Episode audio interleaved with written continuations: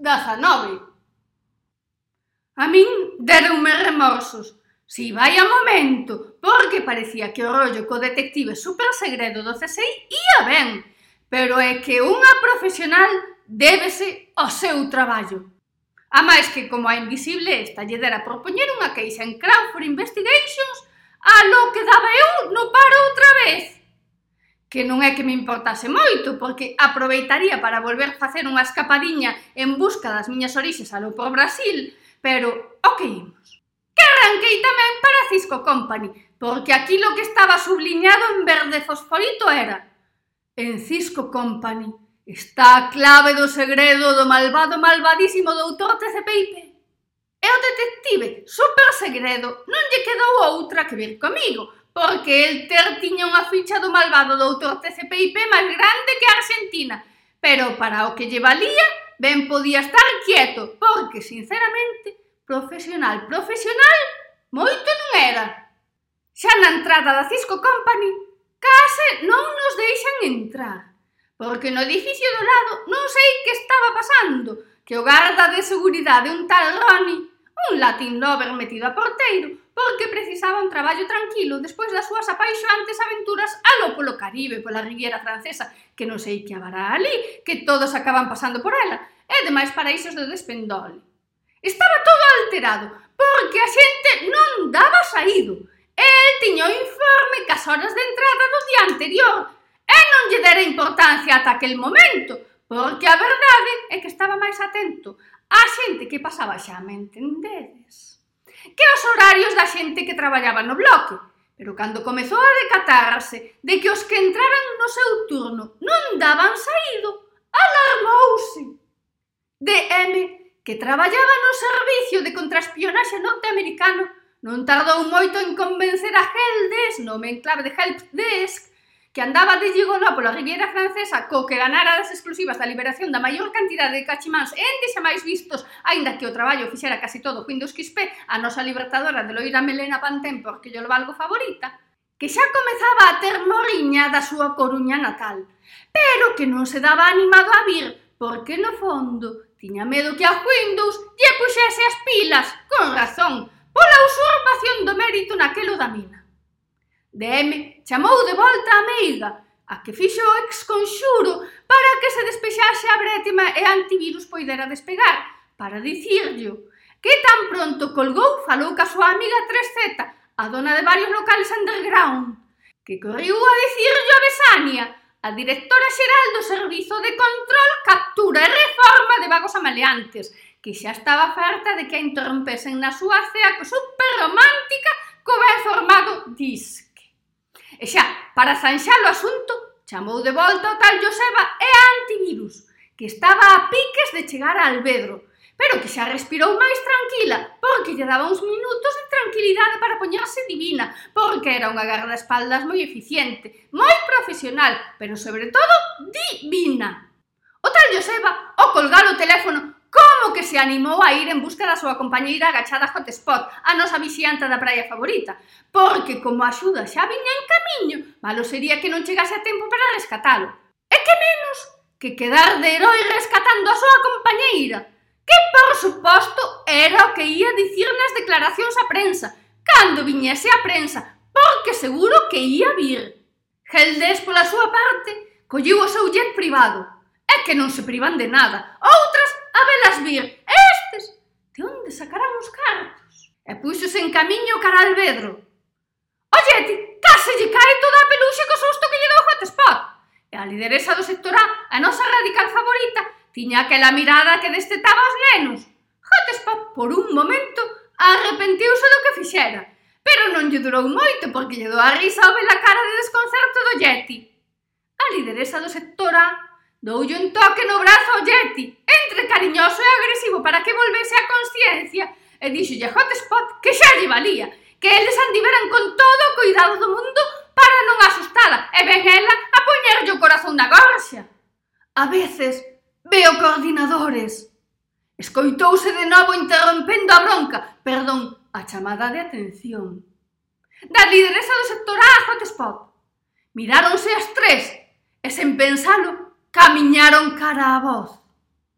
A luz era cada vez máis intensa, pero seguía sen verse nada. Tan só corredores formando un labirinto indescifrable. Apuraron o paso sentí a voz preto, e canto máis apuraban, máis preto. E foron dar a unha sala distinta. A luz era rosa, rosa moi claro, que coqueto. Por fin viron a figura. Muller, case se podería dicir, aínda que polo estado penoso, pero penoso, penoso, no que estaba, non se podía discernir moi ben. Achegáronse a ela. A lideresa do sector A foi a primeira en achegarse. Estaba a piques de preguntarlle se vira a alguén cando a penosa muller comezou a berrar descontrolada. Victoria, Victoria, Victoria! A lideresa do sector A tratando de non rir non fose ser a escaleira asesina en forma humana mirou o Yeti a Hotspot que non sabían que dicir. Achegáronse tamén xunta a penosa muller que non poideron sacarlle máis información que aquela Victoria! E comezaron a andar de novo sen rumbo. As nosas heroínas Mailo Yeti, que ia todo no lote, atravesaron a sala. Do outro lado había unha porta acristalada Non parecía haber actividade detrás da porta tampouco, pero había que intentalo. Entraron, había unha fila de mesas e cadeiras, todo baldeiro, ni rastro de xente, nin de Crawford, que xa volverá da Riviera Francesa onde andivera libre en la vida loca cun home moi importante do que non se podía dicir o nome, pero que tiña por iniciais J.M. E que eu, por puro amor ao cotilleo, dixen o nome que é John, que total, como non me pagan a exclusiva, Pero agora que xa volviu, non sei se dicir o apelido. Nin ninguén. Seguiron andando. O Yeti sentou nunha cadeira e púxose a dar voltas e a facer carreiras pola sala adiante. Yetis. A lideresa do sector A, que xa estaba curada de espanto, nin caso que lle fixo. Hotspot mirábao como pensando que lle faltaba unha luz, unha fervedura ou algo. De súpeto, un ruido na parede, un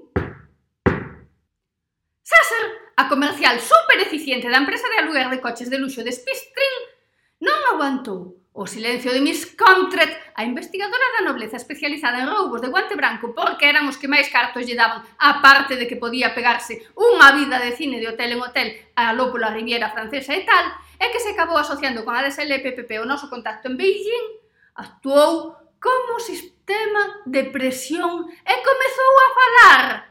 Contoulle que estaba na oficina da lugar de coches de luxo de Spistrin porque era onde se reunía cun amante segredo que tiña. Un revolucionario de gafas con pinta de intelectual e, según palabras da mesma Sasser, que estaba de impresión.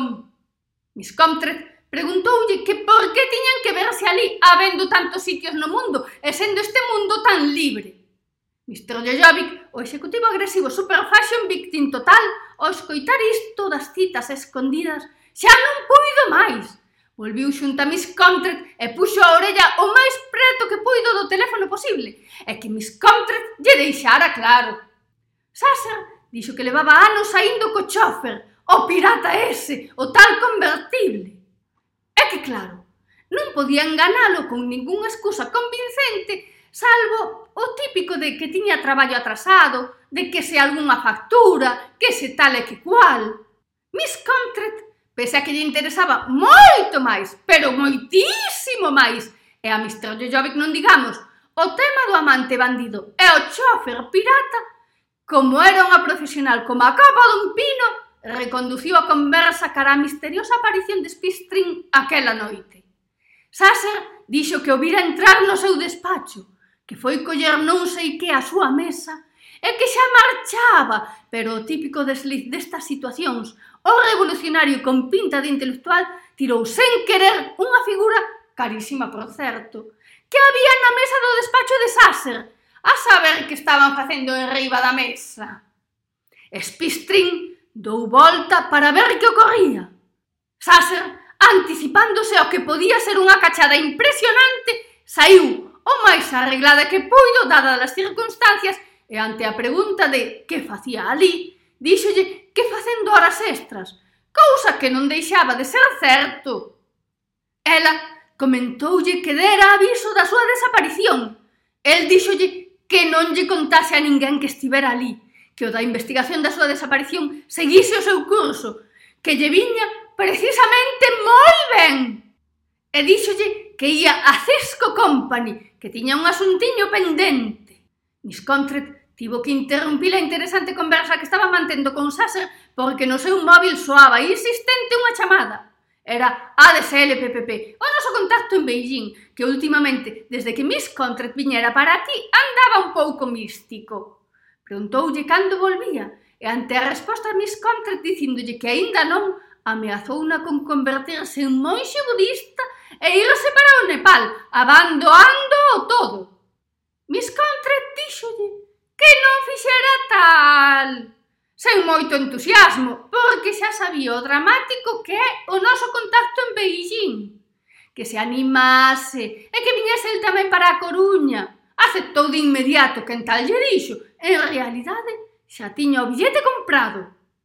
Mentres no piso de abaixo estaban a estilosa señorita New Look e Poppy, a nosa executiva de alto nivel favorita falando con Bumpy sobre todo aquilo que non sabía do vampirismo e se atrevía a preguntar. No piso de arriba, Catwoman estaba falando moi seriamente co metrosexual 660 ante a atenta mirada do investigador, que era tan bo que todos dicían que era la polla, pero eu son demasiado fina para repetir semellante cousa. Catwoman confesoulle que el era o fillo abandonado dun matrimonio hippie, que se dedicaron a vivir o seu amor libremente por medio mundo adiante o agora metrosexual 660 miraba perplexo, porque el sempre pensou que nacera no seo dunha familia multimillonaria, a familia na que se criara. Catwoman contoulle tamén que tiña unha irmá. O 660 alucinaba aínda máis, porque ser éramos moi despistado, pero de ter que repartir tremenda herdanza xa o facía espabilar un pouco. O investigador Sabía o que viña a continuación. Vale, vale, vale, vos tamén. Pero é que sodes moi listiñas, non é que isto fose previsible nin nada. Por fin, Catwoman colleu alento e díxollo. Confesoulle que ela era a súa irmá tamén abandoada. Víctima, como el, do libre amor dos seus pais hippies. O noutro hora despistado doutor Fixel 650 sentou, porque xa non aguantaba de pé. Mirounos cos olliños empapados en vaguas. Xa o sabía, dixo. Catwoman mirou sorprendida para o investigador, que estaba aínda máis sorprendido, porque a verdade tiña o agora metrosexual 660 por, como dicilo finamente, algo limitado. Foi un día xogando na casa dos que, ata daquela, Consideraba os meus pais. Comezou a contar o metrosexual 660. Contoulles que estaba xogando, non lembraba a que, e que tras conseguir abrir un caixón que estaba pechado a cal de canto, sabe Dios con que artes, que era moi inocente, moi limitado e o que queirades, pero isto de andar abrindo caixóns, algo querará dicir, digo eu, porque na mansión de luxo onde vivían debía haber centos de caixóns, e naturalmente moitos estarían pechados, por algo sería e veña este a abrilos. Pero que íamos? Que lle seguía contando que comezou a revolver nos papéis que ali había, para min que buscando o testamento. Cando viu unha foto dunha familia que daquela lle parecera extraña, pero non allea. Seguiu rebuscando, porque non principio pensou que eran os seus pais de novos. Pero o que atopou foron os papéis do orfanato, En por iso nos papéis só aparecía el, e na foto había unha nena rubia. Liu con curiosidade todos os documentos. Nome do pai? Ceo. Nome da nai? Nube. O investigador non puido evitar pensar que o fillo era lóxica consecuencia dos pais. Sempre andaba algo perdido. Pero mentras o metrosexual 660 seguía contándolle as súas desgracias de neno rico abandoado de pequeno e separado da súa irmá rubia. O investigador pensaba, rubia, que raro. E comezou a darlle voltas a todos os fenómenos extraños relacionados con Catwoman e a súa banda sonora. Sí, definitivamente Catwoman tiña que ser aquela muller do paso peonil de deslumbrante melena rubia E quen sabe se a mesma Troia sería certo. Catwoman deixou de prestar atención ao relato do seu irmán cando ia contando o do accidente en bici mentres perseguía non sei que clase de ran salvaxe dos montes da Galicia profunda. E comezou a prestarlle atención ao investigador. Sabía, polas caras que estaba poñendo, que pronto ataría todos os cabos e descubriría o seu misterio. Por fin, pensou, e ata sentiu certo alivio. O que antes era o despistado doutor Fixel 650 seguía relatando a súa máis tenra infancia con todo luxo de detalles, emocionándose cando lembraba aquelas festas de cumpleanos e pensaba que sería da súa irmá non adoptada. Co paso dos anos foi facendo averiguacións. O investigador non daba creto o que oía, pero se sempre estaba nas berzas, Ou iso parecía.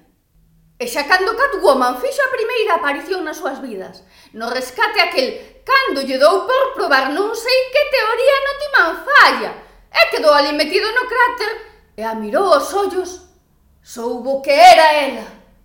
Catwoman non saía do seu asombro. Preguntoulle por que nunca lle dixera nada. El díxolle que estaba seguro de que se ela estaba ali, coidando del, era porque ela xa sabía que el era o seu irmán. Co que, se os dous o sabían, non facía falta dicir nada. O investigador comezou a poñer a cara que se lle quedaba sempre cando pasaba moito tempo co despistado doutor. Entre, pobre miña xoia, e acabará dunha vez. Catwoman abrazou o noutrora despistado doutor e puxéronse a chorar como dúas magdalenas. Nese punto, o investigador decidiu unirse á aperta colectiva, non embargado precisamente pola emoción do momento, pero tampouco había que desaproveitar as oportunidades que lle brindaba a vida. Despois daqueles emotivos momentos, foi Catwoman a que comezou a contar a súa historia. Sobra dicir que o investigador escoitaba atentísimamente, como hipnotizado. A ela non a quixeran adoptar, xa era grande e os pais preferían ter un fillo de menos anos. Ela, que xa se prometera a si sí mesma coidar do seu irmá pasase o que pasase, conseguiu sair do orfanato e viviu moitos anos nunha mansión abandonada de Banaderas. Compartía casa cunha extensa familia de gatos urbáns, dos que aprendiu os áxiles e elegantes movimentos que a caracterizaban, e como non, a sobrevivir neste duro mundo. Tamén aprendiu que se pretendía pasar inadvertida, se non quería que lle seguisen o rastro, o mellor era adoptar diversas personalidades para, cando menos, diversificar as sospeitas. O investigador a pique se estivo de interrompela, esquecendo a promesa que lle fixera antes de entrar no piso do antes despistado doutor Cixel 650 e a estilosa señorita New Look. De que tiña que protexerse, pensaba. Catwoman, que non o coñecía como se o parise, pero andáballe preto, adiantóuselle e díxolle que quizáis de nada, ou quizáis de todo. E dou por finalizada a conversa. As heroínas son che así de misteriosas, hai que aguantalas. O metrosexual 660 volviu a abrazar a súa xa recoñecida irmá. E despois volviu aos seus experimentos. Catwoman e o investigador baixaron. O salón estaba baldeiro, pero alguén andaba pola cociña. Despedíronse e a ao fondo resoou unha resposta á despedida. A voz da estilosa señorita New Look soaba moi atarefada, co que marcharon sen máis. Xa no ascensor, o investigador, quizáis animado pola melodiosa música ambiente, díxolle que no fondo Sabía que ela, Troya e a misteriosa rubia do paso peonil eran a mesma. Catwoman sorriu como perdoándolle a vida, sen creerllo. El díxolle que tiña que ser así, porque como era posible estar namorado apaixoadamente de tres mulleres non sendo que eran a mesma, e bicouna sen darlle tempo a reaccionar. Poppy sorprendiuse cando por fin coñeciu a Vampi. A estilosa señorita New Look faláralle moi ben del, pero Poppy era unha muller que non se deixaba levar polas opinións. Sempre prefería, e ademais sempre lle fora moi ben na vida con este santo remedio, facerse ela a súa propia opinión de todo. A fascinación que Poppy comezara a sentir polo mundo vampiro naquela fugaz viaxe ás Vegas aumentaba con cada cousa que sabía. Vampi puxo ao corrente das normas básicas, o da luz, o das comidas, o da sangue, sobre todo o da sangue, que para o resto pode ser algo moi noxento, pero imos ver, o de comer parásitos con pinta de pata de porco en miniatura, percebes, moi normal tampouco é. Pero para os vampiros era fundamental na elección dos suministradores, díxolle que non sempre os máis apetecibles eran os que mellor mercancía tiñan. De veras que lle dixo así, e referíase ao que se refería. Pero como sodes moi mal pensadas, vos pensades que se refería a outra cousa. Mentres, a estilosa señorita New Look falaba con Venecia por teléfono para ver se os traxes que encargaran xa estaban listos. Parecía que sí. Vampi dixo que se querían, xa o recollía el, porque notoulle a estilosa señorita New Look certa urxencia. Mirou a Poppy, e aquela sincronía que xurdira nun primeiro momento volviu a aparecer. As dúas pensaban que tras a viaxe ás Vegas a parelliña precisaba uns momentos de intimidade. Poppy pensaba o máis por lógica que por feitos probados, porque o agora metrosexual 660 moi apaixoado non lle parecía. En por iso, e para non ser o impedimento daquel tenro reencontro, decidiu que era hora de marchar. Bambi tamén o pensou. Tan compenetradas estaban que baixando no ascensor comezaron a falar de unha e mil cousas, de nada e de todo. Xa sabedes como son os comezos, ata para o máis escuro rei dos vampiros, ata para a máis doce aspirante. Foron tomar algo, foron á Biblioteca dos Arquivos de Galicia, se fosedes vampiras entenderíadelo, as mazmorras do Castelo de San Antón e a 50.000 sitios igual de baixoantes. Case, a última hora, case no límite, lembraron que tiñan que ir recoller os traxes para a festa de iniciación. Aí Poppy puido comprobar de novo o poderosa que podía chegar a ser, e sobre todo, o que ia a forrar, Porque que chegaba a todos os sitios en nada. Quen quería coche, avión? Se non lle vía máis que ventaxas? Venecia tiña todo listo. Os vestidos elegantes e espectaculares a un tempo. Poppy levou o seu, e xa Venecia se encargou de levar o de siga. Bampi, que nestas ocasións tan sinaladas tiña que levar o traxe de cerimonia, non podía, como a elas, abandoarse os caprichos da moda vampira. Lamentou non poder lucir un daqueles traxes da tenda de Venecia para, se cabe, deslumbrar aínda máis a Poppy. Pero de camiño á casa de Poppy, Bampi faloulle dos perigos que ia ter que afrontar na súa vida. Esta era unha parte moi importante do trato, que non fora, ao seu entender, tratado convintemente. Poppy interrompeu-no, Díxolle que siga, xa lle falara con todo o detalle dese aspecto da que ia ser a súa nova vida cando viñan de volta das velas. Bampi desconfiaba porque había quizáis moi entusiasmada. Pero Poppy tranquilizou-no. Díxolle que xa era grandiña para tomar as súas decisións, que xa era adulta para sopesar os pros e os contras das cousas, e que xa estaba ben home por Dios, que podía ser moito rei dos vampiros e o que diaño fose, pero que a súa vida a decidía ela e a ver que pensaba el que tiña que opinar e que xa estaba atendendo os seus asuntos e a ver se lle tiña que facer un debuxo para que entendese que ela xa se decidira ou que convenciuno. Sí, a vampi non lle quedou dúbida ningunha. Sería unha boa vampira, pero tiña que coidarse que en menos de nada quitaba o posto.